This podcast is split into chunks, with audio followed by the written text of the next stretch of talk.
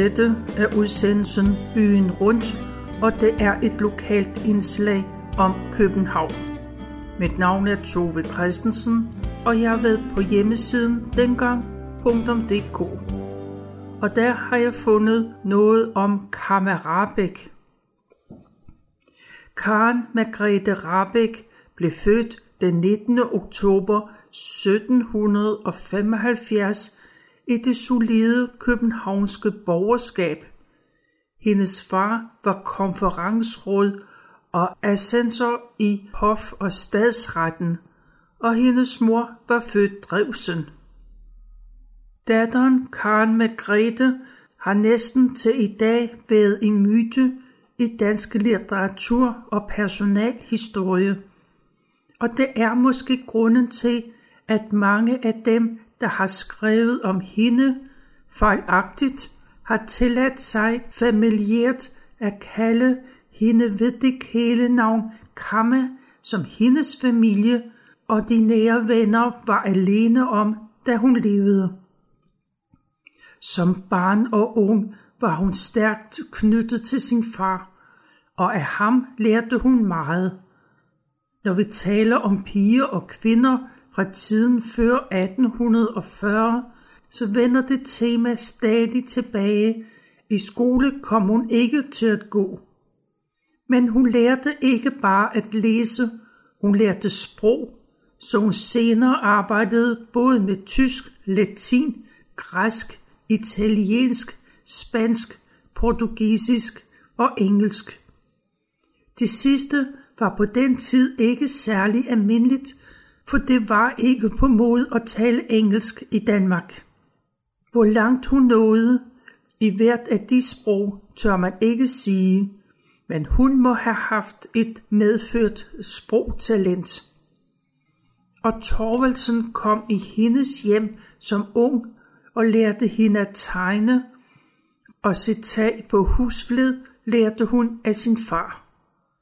Sammen med ham fik hun også fat i astronomien, og fra ham arvede hun ikke alene glæden ved, men også en solid viden om at dyrke en have.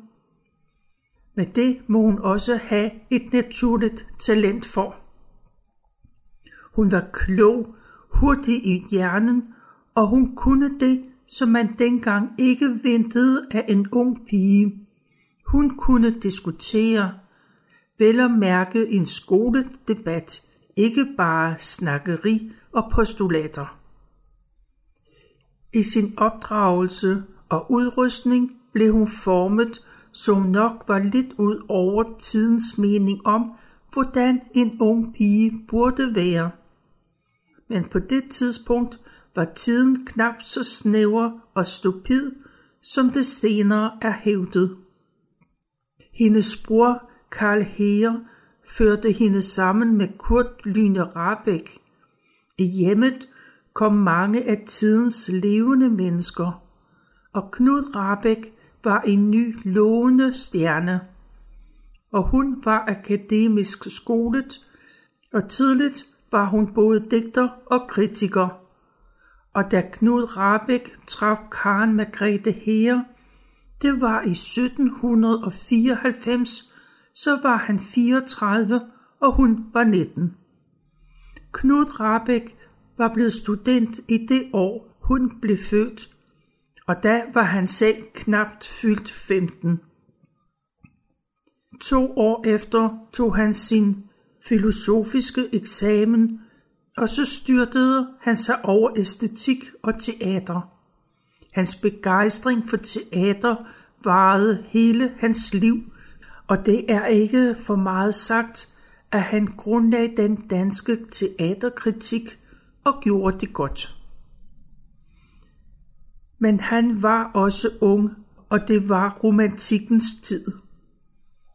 Til romantikken hørte i litterær skolede kredse, der hørte en dyb og ulykkelig forelskelse.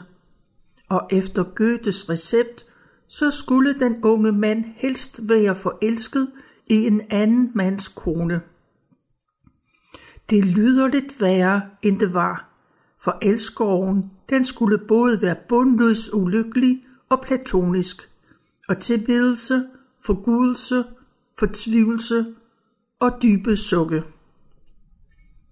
Knud Rabeck blev forelsket i skuespilleren Michael Rausins unge hustru Johanne, og mens de tre sad på et tæppe i Frederiksberg have, så kunne han naivt henføre sige, at her sad de som de unge værter i Goethes roman. Men fra Rabeck er der et frisk glimt, selvom han fortabte sig i fjollede virkelighedsfjerne diskussioner. Hans far blev træt af det pjank og sendte ham til udlandet. Og han måtte afsted. Rosing og hans unge hustru fulgte ham til Tolbodens kaj. Og her brusede den romantiske gejst op i Rabeck, så han tog sine briller, kastede den på strinbroen og trampede dem i stumper, for nu, da han så den elskede for sidste gang, så skulle hans tårer hvide øjne intet skue mere. Skibet var knap lettet, før han sad ombord og ærgede sig over, at han ikke kunne læse de bøger, som han havde med i kufferten. Og så meget om det, for at minde om, at en stormende elskov jævnligt førte til, at næste anfald det blev mere jordbundet. At Rabeks damptryk var fuset ud af sikkerhedsventilen i de unge år, var nok en af grundene til, at hans ægteskab med Karen Margrethe Heer blev så smukt.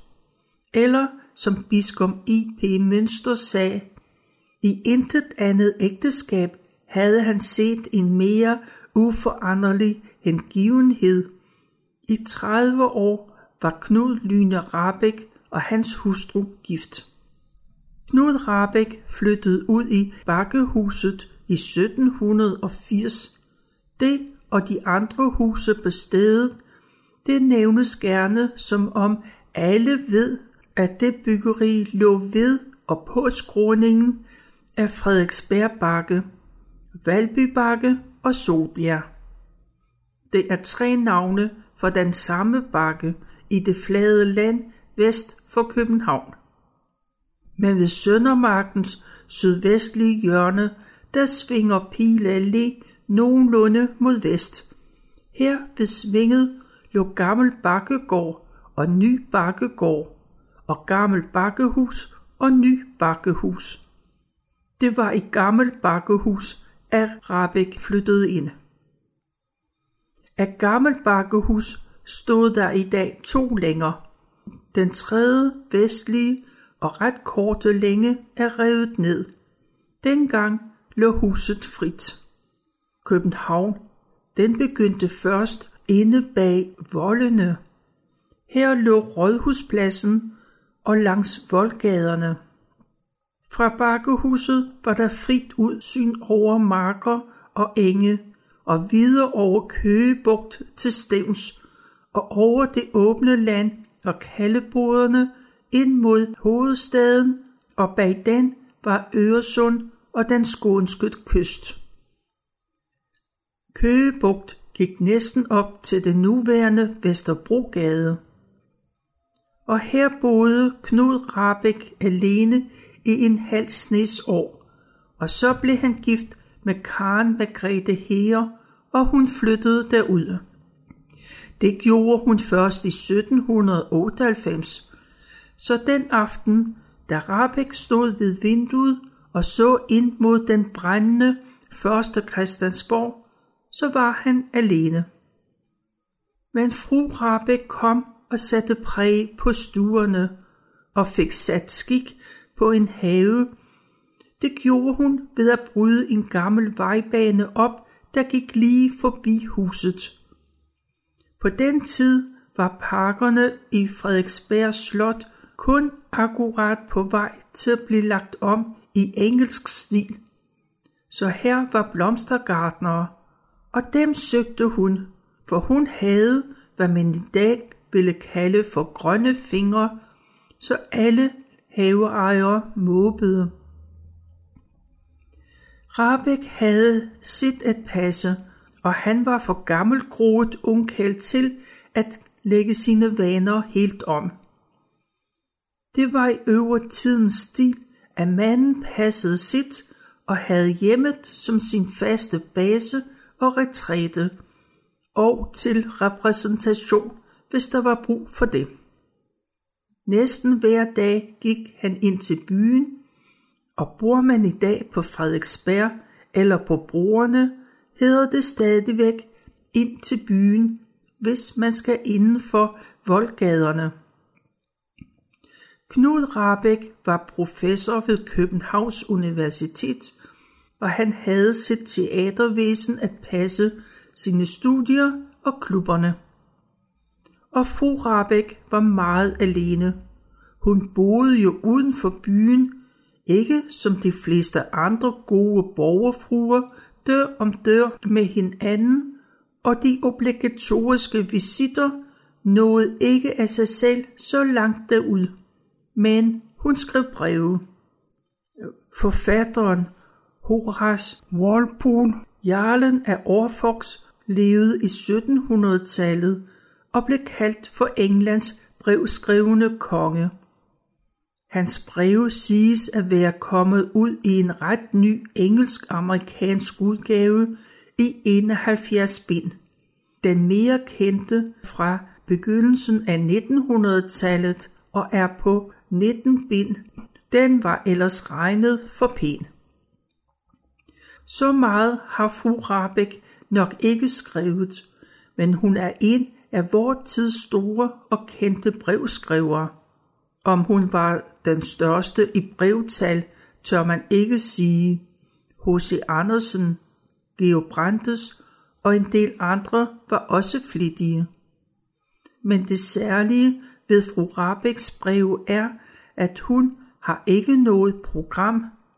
Hendes breve er ikke politiske, og det kunne breve på den tid knap nok være i Danmark. Men hun slås heller ikke for litterære, filosofiske eller religiøse systemer, og hun var ikke litterær i den triste forstand at have en stor læsning og viden om systematisk ordnet i åndelige kategorier og båse. Det kan måske være svært at se, hvad man skal stille op med hendes breve, for de er så personlige. Vi har dem, altså en del af dem, trygt især i den store ældre udgaver, gerne ordnet efter hvem hun skrev til. Men man kan ikke bare læse dem, man må gøre sig den ulejlighed at lære de mennesker at kende, som hun skrev til. Så opdager man, at en del af dem lærer vi meget om netop i hendes breve, og hun skrev med mange. Man har selvfølgelig mest hæftet sig ved de kendte navne. Blandt dem hun stod i brevveksling med, det var teologen E.P. Mønster, historikeren Christian Molbæk, P.R. H. H.C. Andersen, filosofen Heinrich Steffens og Ødens lærer. Og han var gift med hendes søster Christiane og forfatteren Josh Chile og så videre. Ramseriet siger intet. Hun skrev med mange, og en stor del af hendes breve er gået tabt men mange af hendes brevvenner kendte hende ikke kun per brev. Bakkehuset trak mennesker til sig. Efterhånden sad hun derude hele året, og der var år, hvor hun højst kom ind til byen en enkelt gang. Vennerne kom til bakkehuset. Noget af det hang sammen med familierne. Heges og Øens læger kom af sig selv og med Heilberg, både far og søn, gik det også nogenlunde naturligt til. Så vidt Heilbergerne er helt naturlige. Rabeck og hans hustrus nære ven P.A. Heilberg måtte ved nytår 1800 rejse fra Danmark som landsforvist. Han havde skrevet respektløst politisk, og tiden var følsom over for de revolutionære, for ingen stat ønskede den franske revolutions blodorgier i kopi på nært hold. Det var måske en overdrevet frygt, men den var der. Desværre var P.A. Heilberg sig utrolig kluntet ad under retssagen, for det han havde skrevet var ikke så skrækkeligt. Værre var, at han havde gjort det, man rent taktisk ikke gør, hvis man har en smule sund fornuft. Kongen var ikke krænket, han var syg og var sat fra bestillingen, så ingen spurgte om hans mening. Kronprins Frederik den 6. var i og for sig heller ikke krænket, selvom han fik sagen forelagt. Men P.A. Heilberg havde fornærmet kammeradvokat Christian Kolbjørnsen metodisk og med vilje, og Kolbjørnsen var en høj embedsmand med magt. Og P.A. Heilberg måtte rejse. Hans tilfælde var lidt mere indviklet. Det kan ses, når man læser om hans unge hustru Thomasine. På Frederiksberg Bakke tog han afsked med vennerne Rabeck. Fru Rabeck gav ham sin ene grå handske. Den gemte han i en af hendes smukke æsker til sin død. Han rejste fra hustruen og sønnen. Og så fik Rabeks søn Johan Ludvig i pleje i bakkehuset. For det var unægteligt sket det, at P.R. Heilbergs unge hustru ikke var indstillet på at være martyr.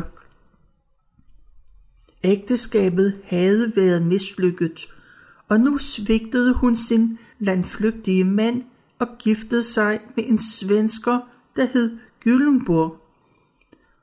Og i sin ulendighed, der blev P.A. Heilberg ude af sig selv.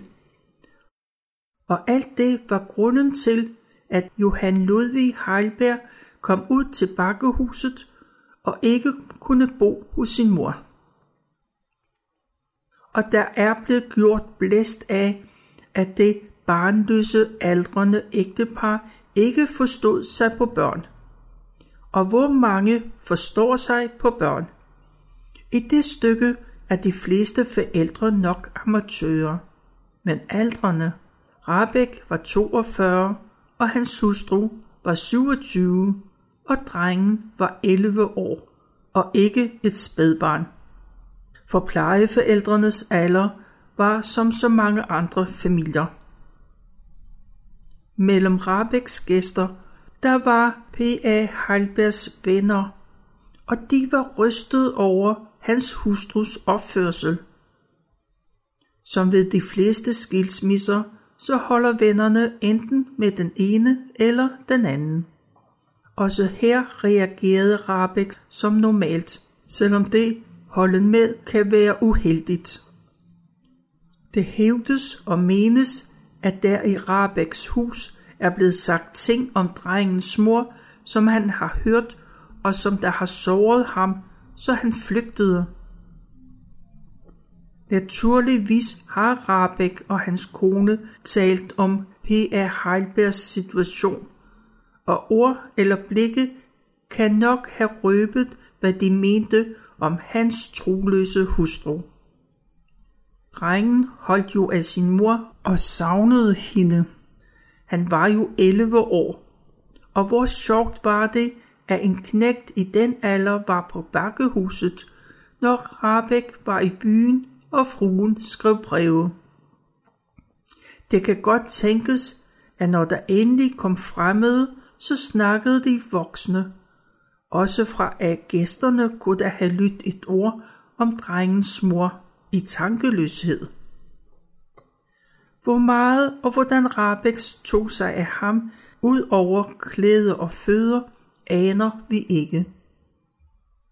Og der er spekuleret på, hvorvidt fru Rabeck var en modertype, og hvilken rolle hendes egen barnløshed kan have spillet, men vi ved det ikke. En tidlig udviklet og moden dreng på 11 år bliver taget fra sin mor og sat i et hus hos mennesker, som han ikke har ønsket at være hos. At han så stikker af og hjem til sin mor, er ikke så mærkeligt, at vi bliver nødt til at skrive om det så mange år efter. Det siger intet håndgribeligt om nogle af de medspillere, og Johan Ludvig Heiberg kom allerede som ung igen som jævnlig gæst i bakkehuset og var sammen med både Rabeck og hans hustru. Han viste sig tidligt at være en selvstændig herre, så det har han nok også været som dreng. Men hos Rabeck var der ellers åbent hus, og det var en dyr vane, hvis gæsterne skulle beværtes rimelig pænt, og det blev det med middage. Men oftere så var det tebruger, som der gik rygter om. Det skal nok ikke overvurderes, for den tid havde man enkle vaner, og det var ikke flere penge i huset, end der var god brug for dem alle. Rabeck tjente hederligt. Han havde ellers præsteret den flothed, at da P.A. Heilberg rejste, så sagde han dristige ting og fik en reprimande.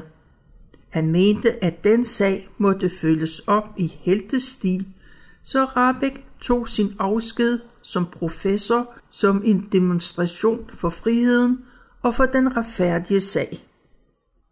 Man elskede den slags på den tid, og vennerne hyldede ham henrygt, og så sad han der med sin glorie og uden professorløn.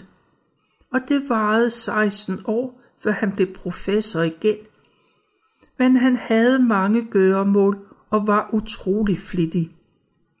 Jævnligt sad han og arbejdede, mens gæsterne talte med hans hustru, og jævnligt måtte han skrive forår til mindre lødige bøger for at holde økonomien bare nogenlunde flydende. Men af de mange regninger, så var det hans hustrus te og rødvin og alt hvad bruget ellers krævede, det blev altid betalt først, for det var hjemmets liv og funktion. Fru Rabeck var dygtig til at lave smukke æsker, sådan som man kan se dem i glasmontre i bakkehuset. Men det var og er ikke hovedsagen. Æskemageriet var med til at samle en hyggeligt kreds om bordet, for livet, det var samtalen med mennesker. Fru Rabeck rejste helst en gang om året til Hamburg. Der købte hun papir og alt, hvad hun ellers skulle bruge, og hun skrev kun med ravnefjer. Et glimt, så ser vi hende, når vi får at vide, at hendes yndlingsstilling, det var at stå foran en stol, vippe den bagover og hvile knæet på den, mens hun havde hænderne på dens ryg og så lænede hun sig lidt forover, ivrig og talende, diskuterende, forklarende, mens hendes dyble øjne lyste. Hun fascinerede alle, hun talte med. Og så skrev hun sine breve. Som alle gode brevskrivere skrev hun i sit eget sprog, i sin egen stil og om særlige emner til hver af sine brevvenner – efter deres natur, temperament og eftersom hun kendte dem. Hun fik dyb betydning for mange. For I.P. Mønster for eksempel, så var det så dybt, at han brændte de fleste af hendes breve. Ikke fordi der stod noget skrækkeligt, eller at der stod noget alt for intime ting i dem, men de var for ham for personlige til, at de måtte komme videre. Men særlingen Christian Molbæk var hun nogle gange næsten kommet i krig med. 300 breve har de vist udvekslet. Men i alle sine breve giver hun sit portræt som en usædvanlig kvinde, og alligevel ikke selvoptaget eller fordringsfuld. Hun kunne den store skrivende kunst, nemlig at tale med en pen. Hun var religiøs, optaget af Grundtvig, og det var jævnligt religion, hun skrev om. Men brevene og gæsterne var hendes liv. Det var også rigtigt, at der var et særligt bakkegårdssprog. Men også det er der gjort rigeligt meget ud af, for hundrede af familier har jo et familiesprog. Det må være, fordi enkelte lærte trods alt ikke ved, hvor de skal placere fru Rabik, eller hvad de skal stille op med hende, at de lader papæsker og sjove husgloser noget nær kvæle det, der var det væsentligste. Hun havde jo salon i tidens stil, ikke på højde med de store franske damers, ikke i penge og sceneri, på højde med salonværtinden Frederikke Bruns på Sofieholm. Fru Rabeck var ude hos Frederikke Brun som gæst, men nogen omfavnelse kom det ikke til, og det tjente fru Rabeck til ære. Hun var brystsyg, som det hed, og den lille spinkle menneske sad i bakkehuset og skrev sine hundrede af breve, ja flere, og hun tog imod sine gæster. Hun var spillende, fuld af liv og humor. Betydningen af bakkehussalongen var en af de mennesker, der traf hinanden i afslappet form, helt uden de store bevægelser. Og de traf hende, spurgte hende, talte med hende, og hun har haft en udstråling. Hun var sikkert et af de mennesker, der ikke kunne tåle at dø, fordi noget væsentligt, det væsentligste, så var væk for altid. Der var ikke til at fastholde og kun til at skildre som et ret blegt ekko. Bøger og litteraturarbejder skrev hun ikke.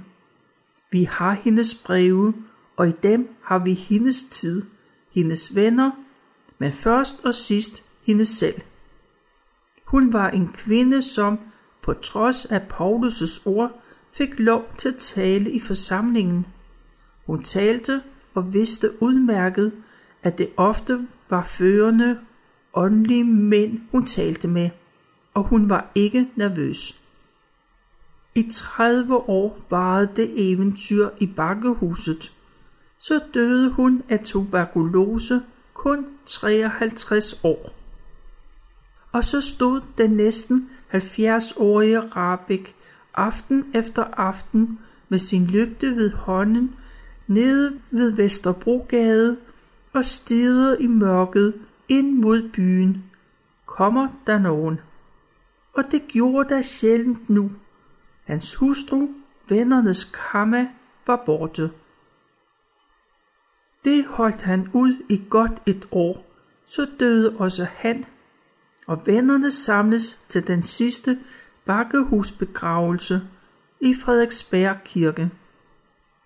Og bakkehuset stod tomt, og I.P. Mønster sagde, hele kassen er ikke bedre værd end at drive ned.